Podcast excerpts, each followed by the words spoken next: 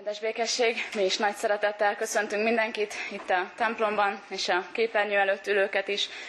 Nekem kell talán kevésbé, vagy kevesebbeknek bemutatkoznom. Én Sanda Anikó vagyok, hatodéves teológus gyakornok itt ebben a gyülekezetben, Gergő mentorálása vezetése mellett. Ez a gyakornoki évem, ez a vége felé közeledik, most december végével, és nagy öröm nekem, hogy éppen most így Bettivel együtt szolgálhatunk, akivel pedig együtt kezdtük a felkészülésünket a szolgálatra, a teológián évfolyamtársak vagyunk, és nagyon sok közös szolgálat van már mögöttünk, de ez nekünk is új, ez a műfaj, amit most ide hoztunk, úgyhogy ilyen módon még nem szolgáltunk együtt, de nagyon sok más módon is az elmúlt hat évben összefonódott az életünk. Még annyit hadáruljak el, hogy Betty a legkisebb, most egy éves gyermekünknek a keresztanyukája is. Én is sok szeretettel köszöntök mindenkit. Zoltán Bettina vagyok, és a Messzi Solymáról érkeztem. Én ott töltöm most a gyakornoki évemet. És hát én is annyit szeretnék hozzátenni, hogy ez a különleges műfaj már bennünk is nagyon sok mindennel megajándékozott, úgyhogy nagyon örülök, hogy így itt lehetek, és hogy ebben a formában így szolgálhatok, és nagyon várom, hogy mit készít Isten ezzel az igehirdetéssel. Nyilván rengeteget gazdagodtunk általa, és reméljük, hogy a gyülekezet is. Gyertek, imádkozzunk. Drága Urunk, menj édesatyánk, köszönjük neked, hogy, hogy téged dicsőítve, magasztalva, énekkel, zeneszóval várhatunk, készülhetünk a veled való találkozásra. Különleges ezt, ezt így adventben még különlegesebb megtapasztalni, de olyan jó, hogy te az életünk minden napján erre, erre hívsz minket, erre a találkozásra vársz bennünket. És köszönjük azt is, hogy az öröm vasárnapján, mert most sok örömmel megajándékoztál bennünket, akár csak ezen az estén. De köszönjük azt is, hogy te látod nem csak az örömeinket, hanem jól látod azt is, hogy hordozunk nehézségeket, fájdalmakat, hiányokat. Olyan jó tudni, hogy neked ezek is fontosak, hogy te ezeket is velünk együtt hordozod és megvalljuk, hogy te látod a bűneinket is, amiket elkövetünk nap mint nap. És olyan nagy ajándék, hogy mégis rád tekintve, hogyha ha téged láthatunk az életünk urának, akkor mindez mégis kisebbedik, és te nősz benne olyan nagyra, hogy mindennek, minden másnak a jelentősége kisebbé válik. Köszönjük ezt, a, ezt az új látást. És hadd legyen ez a rész így nagyobb bennünk, hogy ez a rád tekintés, ez, ez növekedjen bennünk, és így te is, és hadd növekedjen így a neked szánt idő is, most adventben is, és minden napon az életünkben. Így kérünk, hogy szenteld meg ezt a mostani estét is, ezt a mostani időt, hadd tegyük egészen a kezedbe, hogy ne járjunk most másfele, hanem hadd legyünk egészen itt készen a veled való találkozásra. Így kérjük, hogy szent lelked által legyen ez lehetséges.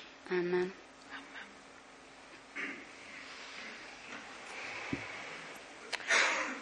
Isten igét olvasom Lukács evangéliumának 10. fejezetéből, a 38. verstől egészen a 42. versig, így szól hozzánk Isten írott igéje. Amikor tovább haladtak, betért egy faluba, ahol egy Márta nevi asszony a házába fogadta. Volt ennek egy Mária nevi testvére, aki leült az úr lábához, és hallgatta beszédét. Mártát pedig teljesen lefoglalta a sok munka. Ezért odajött, és így szólt. Uram, nem törődsz azzal, hogy a testvérem magamra hagyott a munkában? Mondd hát neki, hogy segítsen. Az úr azonban így felelt neki. Márta, Márta, sok mindenért aggódsz és nyugtalankodsz, pedig kevésre van szükség, valójában csak egyre. Mária a jó részt választotta, amelyet nem vehetnek el tőle.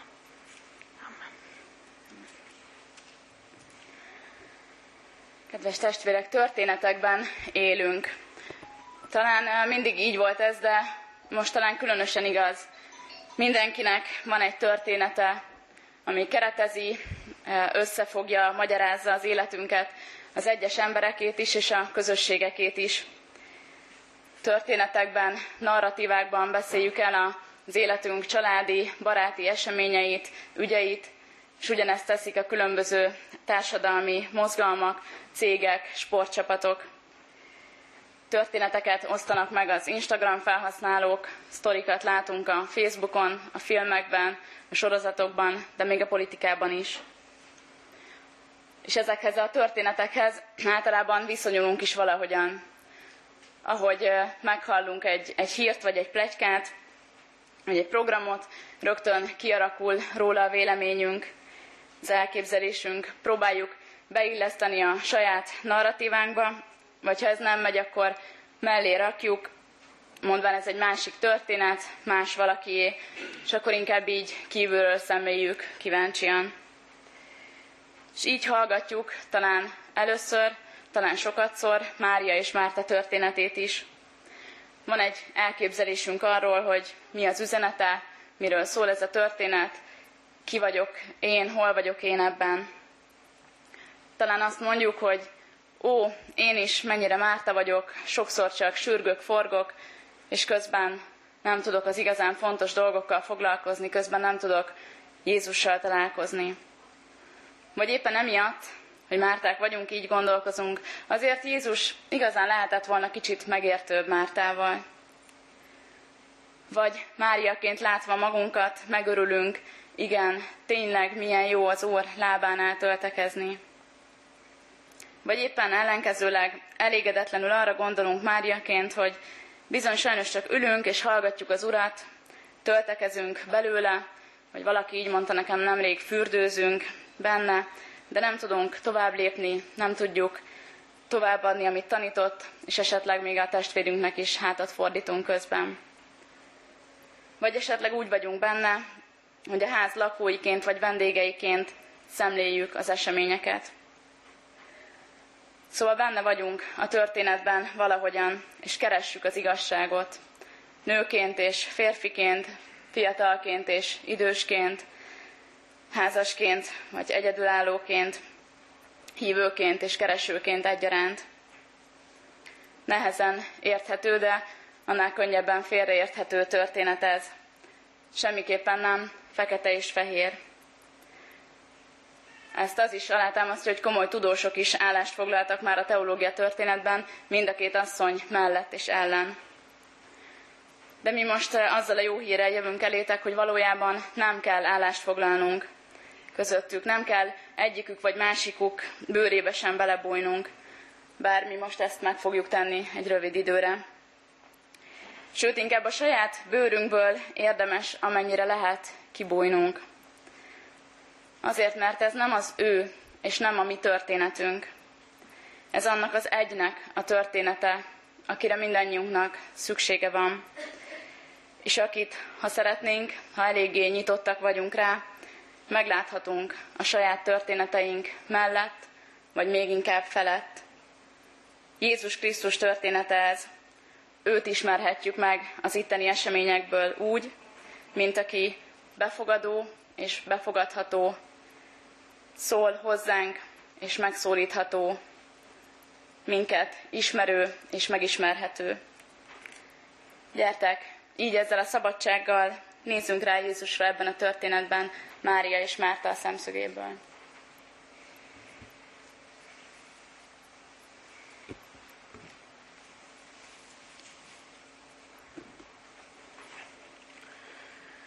Életem egyik legkülönlegesebb napja volt, amikor hazaértem, és Márta elmesélte, hogy kitér be hozzánk, alig akartam hinni a fülemnek. Már rengeteget hallottam Jézusról. A faluban gyakran szóba került a neve. Elmesélték, miket tett, hogyan gyógyított és tanított.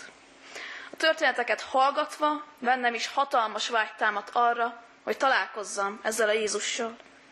Mert mindenki, aki már látta őt élőben, valahogy tele volt élettel. Annyira boldog voltam, amikor Márta mondta, hogy be fog térni hozzánk.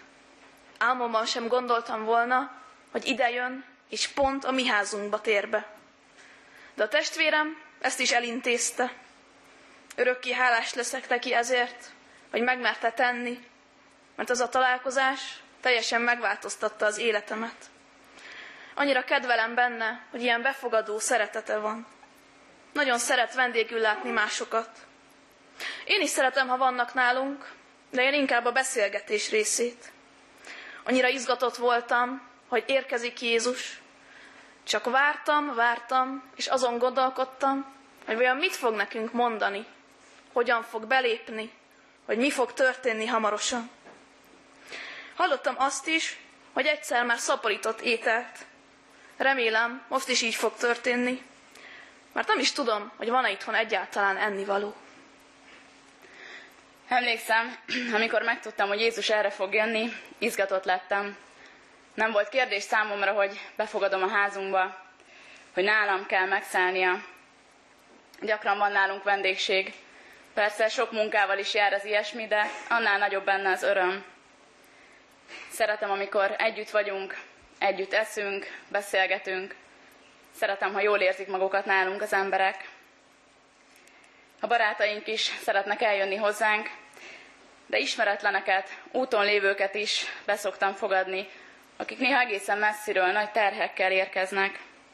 Olyan jó érzés segíteni. Tudjátok, azt mondja a parancsolat is, hogy szerest fele barátodat, mint magadat. Egyébként Jézusról is azt mondták az emberek, hogy olyan szépen beszél a törvényről, alig vártam, hogy hallgathassam őt. Jaj, csak nagyon sokat kellett még addig elvégeznem. Azt sem tudtam, hol áll a fejem.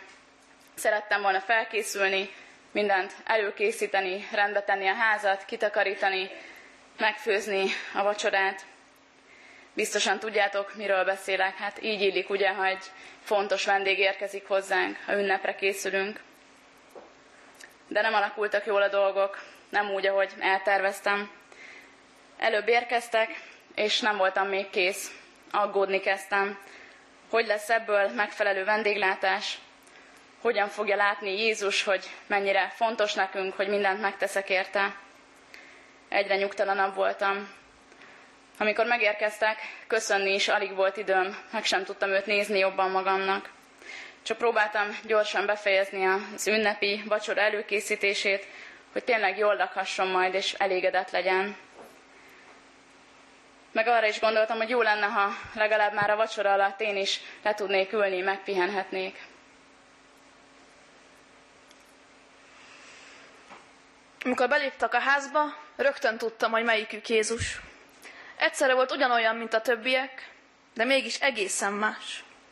A jelenlétében olyan örömöt éreztem, mint korábban soha. Pillanatokon belül nagy békesség töltötte be az egész szobát. Leült Jézus, és beszélni kezdett. És én azt kívántam, bár csak soha ne érne véget ez a találkozás. Én is ott ülhettem közöttük. Bár ez akkoriban nem volt szokás, a nők nem ülhettek a férfiak között, de mégis éreztem, hogy Jézus mellett most nekem is helyem van. Egészen közel a lábaihoz ülhettem. Olyan tisztelettel volt jelen Jézus mindannyiunk felé, hogy éreztem, ez a befogadó szeretet mindannyiunké. Nem számított, hogy a szobában valaki szegény vagy gazdag, idős vagy fiatal, férfi vagy nő, írástudó vagy éppen egyszerű halász. Mert mindannyian, akik ott voltunk, éreztük, hogy jó helyen vagyunk. Bár sok ismeretlen ember jött hozzánk, de mégsem voltunk idegenek. Mert azzal, ahogyan Jézust hallgattuk, ahogyan ráfigyeltünk, egymáshoz is közelebb kerültünk. Nem is emlékszem arra, hogy pontosan miről beszélt, csak arra emlékszem, hogy milyen csodálatos volt őt hallgatni. Olyan volt, mint amikor úgy érzi az ember, hogy éppen azt csinálja, amire megalkotta őt Isten. Amikor teljesen megszűnik körülöttünk minden. Ezt éltem át Jézus lábainál. Csak az a pillanat létezett, benne pedig Jézus és én. Minden szavában szeretet és hatalom volt. Annyira belefeledkeztem ebbe a beszélgetésbe, hogy nem is vettem észre, Márta mennyire egyedül van a konyhában. Mert nagyon rossz érzés volt kimaradni. Hallottam, hogy bent beszélgetnek, és már legszívesebben én is ott lettem volna. De hát nem voltam még készen, így, így nem lehetett, nem lett volna felelősségteljes, meg mit is szóltak volna, hogy ha én a sok munkahelyet csak ott üldögélek. De bevallom, eléggé bosszantott a dolog. úgy éreztem, magamra hagytak a sok feladatommal, és senki sem segített. Még a testvérem, Mária sem, pedig nagy szükség lett volna rá. Nem is tudom, hogy gondolta, hogy ő csak úgy bemegy és leül Jézussal és a vendégekkel.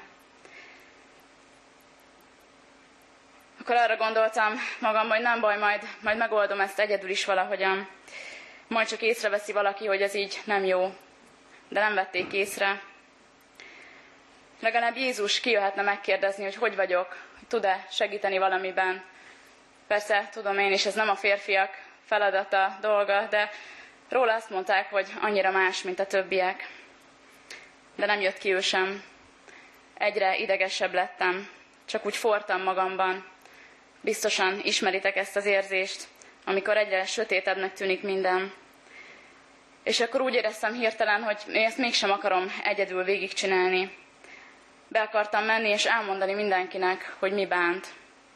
De az meg hogy venné ki magát? Jogosak egyáltalán az érzéseim? És hogy is vennék ki magát, ha csak úgy bemennék és megzavarnám a beszélgetést? Ezeken gondolkoztam magamban, de aztán úgy éreztem, nem bírom tovább. Félbehagytam mindent, és odaálltam Jézus elé. Úgy éreztem, nem tehetek mást. Ha tényleg mindenkin tud segíteni, akkor biztosan engem is meghallgat. Azt mondtam neki, Uram, nem törődsz azzal, hogy a testvérem magamra hagyott a munkában. Mondd hát neki, hogy segítsen. És ő tényleg meghallgatott. Jó érzés volt kimondani végre, ami bennem volt. Jézus úgy beszélt hozzánk, mintha nagyon régóta ismerne minket. Tudta, mire van szükségünk, mi az, amit hallanunk kell. De nem csak ő beszélt, érdekelte, hogy mi mit gondolunk. Kérdezhettünk tőle, és ő végtelen türelemmel felelt a mi kérdéseinkre. Akkor is, amikor már sokat gyára nem értettünk valamit. Mert sok dolog volt, ami elsőre nem volt világos. De nagyon megnyugtató volt látni, hogy néha a tanítványai is értetlenül néztek. Együtt kerestik az igazságot, és ez nagyon felszabadító volt. Nem kellett rögtön tudnunk mindent, sőt, örült annak, amikor megpróbáltuk meggyőzni őt, hogy valamiben nincsen igaza. Persze a végén mindig neki lett igaza, de ezt olyan nagy szeretettel tudta elmondani, hogy nem is bántott minket ez a szembesítés. A jelenlétében nem kellett szégyenkeznünk, megjátszani magunkat, úgy csinálni, mintha nem lennének problémáink. Ő nem ítélt el a hiányosságainkért. Csak az volt a vágya, hogy minél jobban megértsük, hogy az Isten mennyire szereti az embert. És egyszer csak, amikor hirtelen belépett Márta, látszódott rajta, hogy mennyire zaklatott.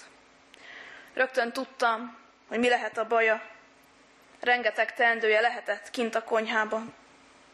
Talán nekem is segítenem kellett volna. Ott kellett volna lennem mellette, hogy megosszuk ezeket a terheket. De annyira csodálatos volt ez a találkozás Jézussal. Egyetlen pillanatáról sem akartam lemaradni. Meghallgatott, de olyan furcsa választ adott. Valahogy nem erre számítottam. Olyan volt, mintha nem értené meg egészen, vagy nem tartaná jogosnak a panaszomat, pedig mindenki láthatja, hogy jogos volt. De mégis olyan kedvesen, olyan szeretettel beszélt, és így mégiscsak beszélhettem vele én is.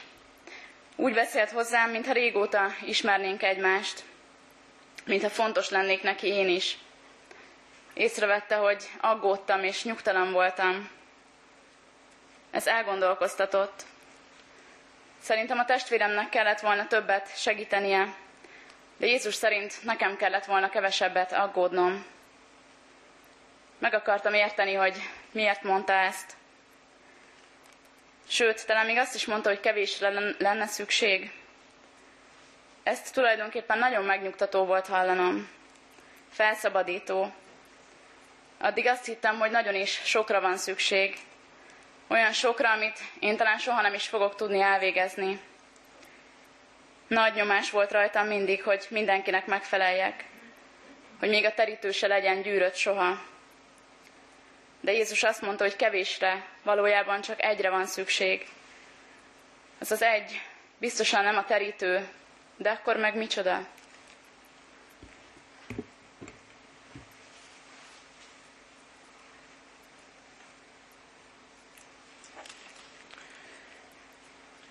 Az a kérdés, ma itt megjelent Mártában, mindannyiunkban ott bujkál, az életünk egy vagy több pontján.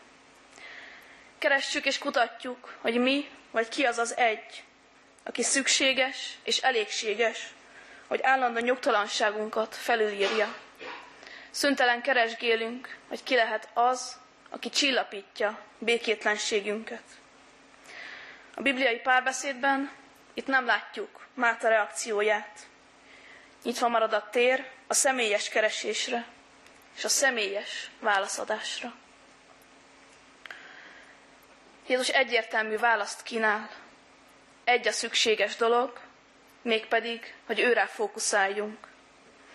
Hogy engedjük, hogy ő maga újra és újra bemutatkozzon nekünk, és ámulatba ejtsen. Ő a jó rész, akit nem lehet elvenni tőlünk. Ő az egy, akire szükségünk van tehát. Az ő befogadására, az ő szavának hallgatására, amiből fakad a megismerés. És ez a történet is erről beszél nekünk, hogy van olyan idő, vannak olyan kiemelt kegyelmi pillanatok, amikor Jézus jön és szólni akar. Ilyenkor félre lehet, sőt félre is kell tenni minden mást. Ilyenkor nincs sürgés, forgás, bevásárlás, takarítás, vagy éppen díszítés, hanem az Isten kezébe tett idő van. De ezt az időt csak akkor lehet felismerni, ha nem foglal le bennünket valami más teljes egészében. Ha minden gondolatunk, a takarítás, a karácsonyi menü, a vizsgák, vagy éppen a feladatok körül forog, ha minden gondolatunk ezek körül van, akkor az Isten nehezen szólít meg bennünket. Arra hív, hogy amikor ő szól, hogy amikor jelen van, akkor engedjük, hogy ő formálja át gondolatainkat. Mert ő valóban találkozni szeretne velünk, úgy, ahogyan vagyunk. De fontos még mellé tenni, hogy ebben a történetben nem csak ennyi az üzenet, hogy pihenjünk meg Jézus lábánál, hanem van folytatás. Ő nem csak arra hív, hogy üldögéljünk és őt szemléljük. Mert a minket teljesen lefoglaló tevékenykedésnek nem a tétlenség az ellentéte, hanem az olyan tevékenység, aminek Jézus áll a középpontjában, amire ő indít bennünket. Mert ha ráfigyelünk, ha befogadjuk őt, akkor indítani fog, akkor cselekvésre hív, akkor mozdít, akkor küldetést ad. Engedjük át azt, hogy Isten mutassa meg, mikor, minek van ideje az életünkben. Mit kell tennünk, vagy éppen mit kell félretennünk. Kifelé szolgálhatunk, vagy mikor állhatunk meg, és engedjük, hogy az Isten jelenlétében megpihenhessünk. Adja meg az Úr, hogy így a saját házunkban találkozhassunk mi is Jézussal. Ebben az adventben és ebben a karácsonyban. Hogy őt befogadva, ő is befogadhasson minket. Hogy őt hallgatva, mi is szólni tudjunk hozzá. És hogy az ő ismeretéből merítve, mi is megismerhessük őt. Hadd váljon számunkra ő az első és legfontosabb ügyé. Hadd legyen az ő története, a mi történetünk is. És hadd legyen életünk ideje teljesen az ő kezében. Amen. Most pedig egy csendes percben vigyük Isten elé saját imádságainkat, mindazt, ami elválaszt tőle, és kérjük, hogyha szomjazunk rá, akkor ő elégítsen meg bennünket.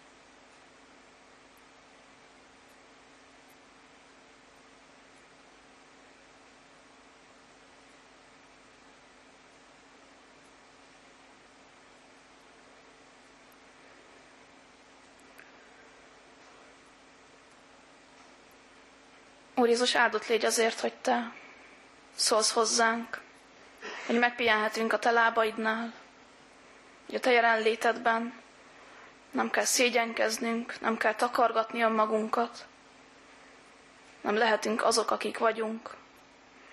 Köszönjük azokat a pillanatokat, amikor érezhettük a Te közelségedet, amikor hallhattuk a Te szavadat, amikor megpihenhettünk Te közelségedben. Arra kérünk, hogy Te légy az, aki az életünkben egyre inkább uralkodsz. Arra kérünk, hogy segíts bennünket mindent átadni neked. Segíts arra, hogy engedjük, hogy Te oszd be az időnket, hogy hadd halljuk meg, amikor ideje van a cselekvésnek, vagy ideje van a megállásnak. Köszönjük azt, hogy a veled való közösség az mindig indulással, cselekvéssel is jár. Hogy adsz nekünk elhívást, küldetést, megengedett, hogy meglássuk a szükségben lévőt. Így kérünk arra, hogy te szenteld meg az adventünket, karácsonyunkat. Valóban hadd éljük meg, hogy veled az egyetlen szükségessel találkozunk. Hadd hívjunk be az ünneplésünkbe, családunkba. Te jöjj, és hadd legyünk a te közeledben, hadd halljuk, amire indítasz, hadd érezzük a te szeretetedet, és hadd tudjuk másoknak is elmondani, hogy mit is jelent az Isten szeretete. Köszönjük, hogy a földre jöttél, köszönjük mindazt, amit értünk tettél. Arra kérünk, hogy hadd csodálkozzunk rá újra és újra arra, aki te vagy, és mindarra, amit te tettél. Amen. Most pedig együtt mondjuk el az Úr Jézustól tanult imádságot. Mi atyánk, aki a mennyekben vagy, szenteltessék meg a te neved. Jöjjön el a te országod, legyen meg a te akaratod, amint a mennyben, úgy a földön is. Minden napi kenyerünket add meg nekünk ma, és bocsáss meg védkeinket, miképpen mi is megbocsátunk az ellenünk védkezőknek. És ne vigy minket kísértésbe, de szabadíts meg a gonosztól, mert tiéd az ország, a hatalom és a dicsőség mindörökké.